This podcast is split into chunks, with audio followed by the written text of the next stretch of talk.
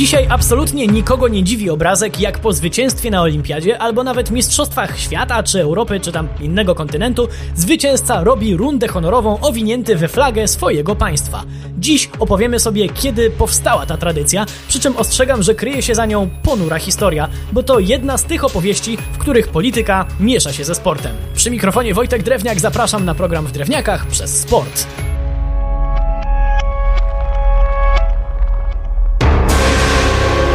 Po raz pierwszy rundę honorową odbył po zwycięstwie na 400 metrów przez płotki reprezentant Ugandy, John Aki Bua. Pobiegł fantastycznie, jako pierwszy w dziejach zszedł poniżej 48 sekund. Cieszyło się wiele osób, ale szczególnie mocno brutalny dyktator Ugandy, Idi Amin.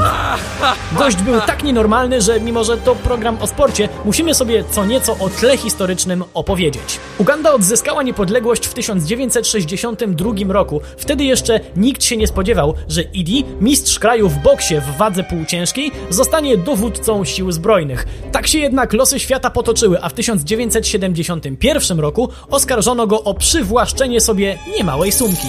Wiele wskazywało na to, że Idi Amin zostanie skazany na śmierć, więc nie mając zbyt wiele do stracenia, zorganizował krwawy zamach stanu o zgrozo z sukcesem. Samozwańczy prezydent skumał się ze Związkiem Radzieckim i mając tak silnego kolegę, mógł rozpocząć krwawy terror. Wyrzucił z państwa najbogatszych ludzi i zabrał ich majątki. Nie miał litości dla opozycji i z jego rozkazów zamordowano ponad pół miliona ludzi. Jeśli ktoś jeszcze ma wątpliwości, czy Idi Amin był nienormalny, to dodajmy do tego, że wyzwał na pojedynek bokserski królową Elżbietę II, a gdy został zignorowany, to uznał, że to zwykłe tchórzostwo, a co za tym idzie, on jest teraz królem Anglii. Miał też szczególny sentyment do Szkocji, której dobrodusznie obiecał, że jak tylko przyjedzie na wyspy, to da jej niepodległość. Taki to był, prawda, wariat.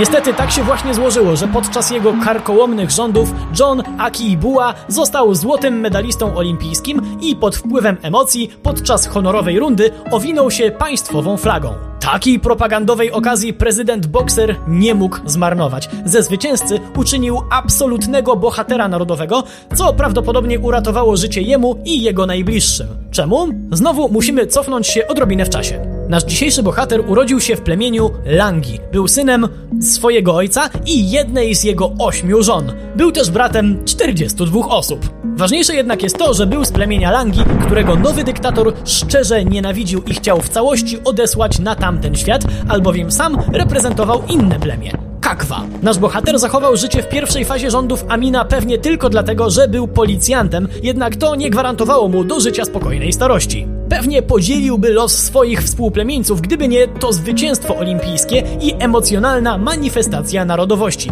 Takiej wizytówki kraju się nie zabija, nawet jeśli pochodzi od Langi. Naszego bohatera po powrocie awansowano na oficera, dano jego rodzinie dom i godne utrzymanie. Fajnie? A nie do końca, bo tępieni przez dyktatora inni przedstawiciele rodzinnego plemienia Langi uznali Johna za zdrajcę, a dni jego, czy tego chciał czy nie, protektora, były już policzone.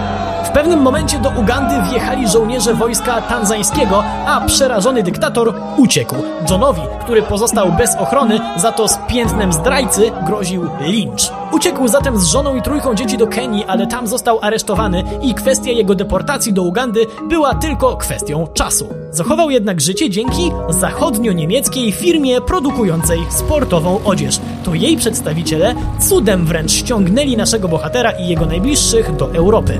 John był takim psychicznym wrakiem, że nikogo nie zdziwiło, że nie popisał się na olimpiadzie w Moskwie. Do rodzinnej Ugandy wrócił dopiero w roku 1983, kiedy sytuacja się tam Oczywiście nie miał złudzeń, że znajdzie w domu zostawione w pośpiechu złoto olimpijskie. Warto pamiętać o tej tragicznej historii, gdy następnym razem będziemy oglądać na jakichś zawodach rundę honorową. Przy mikrofonie był Wojtek Drewniak. Do usłyszenia.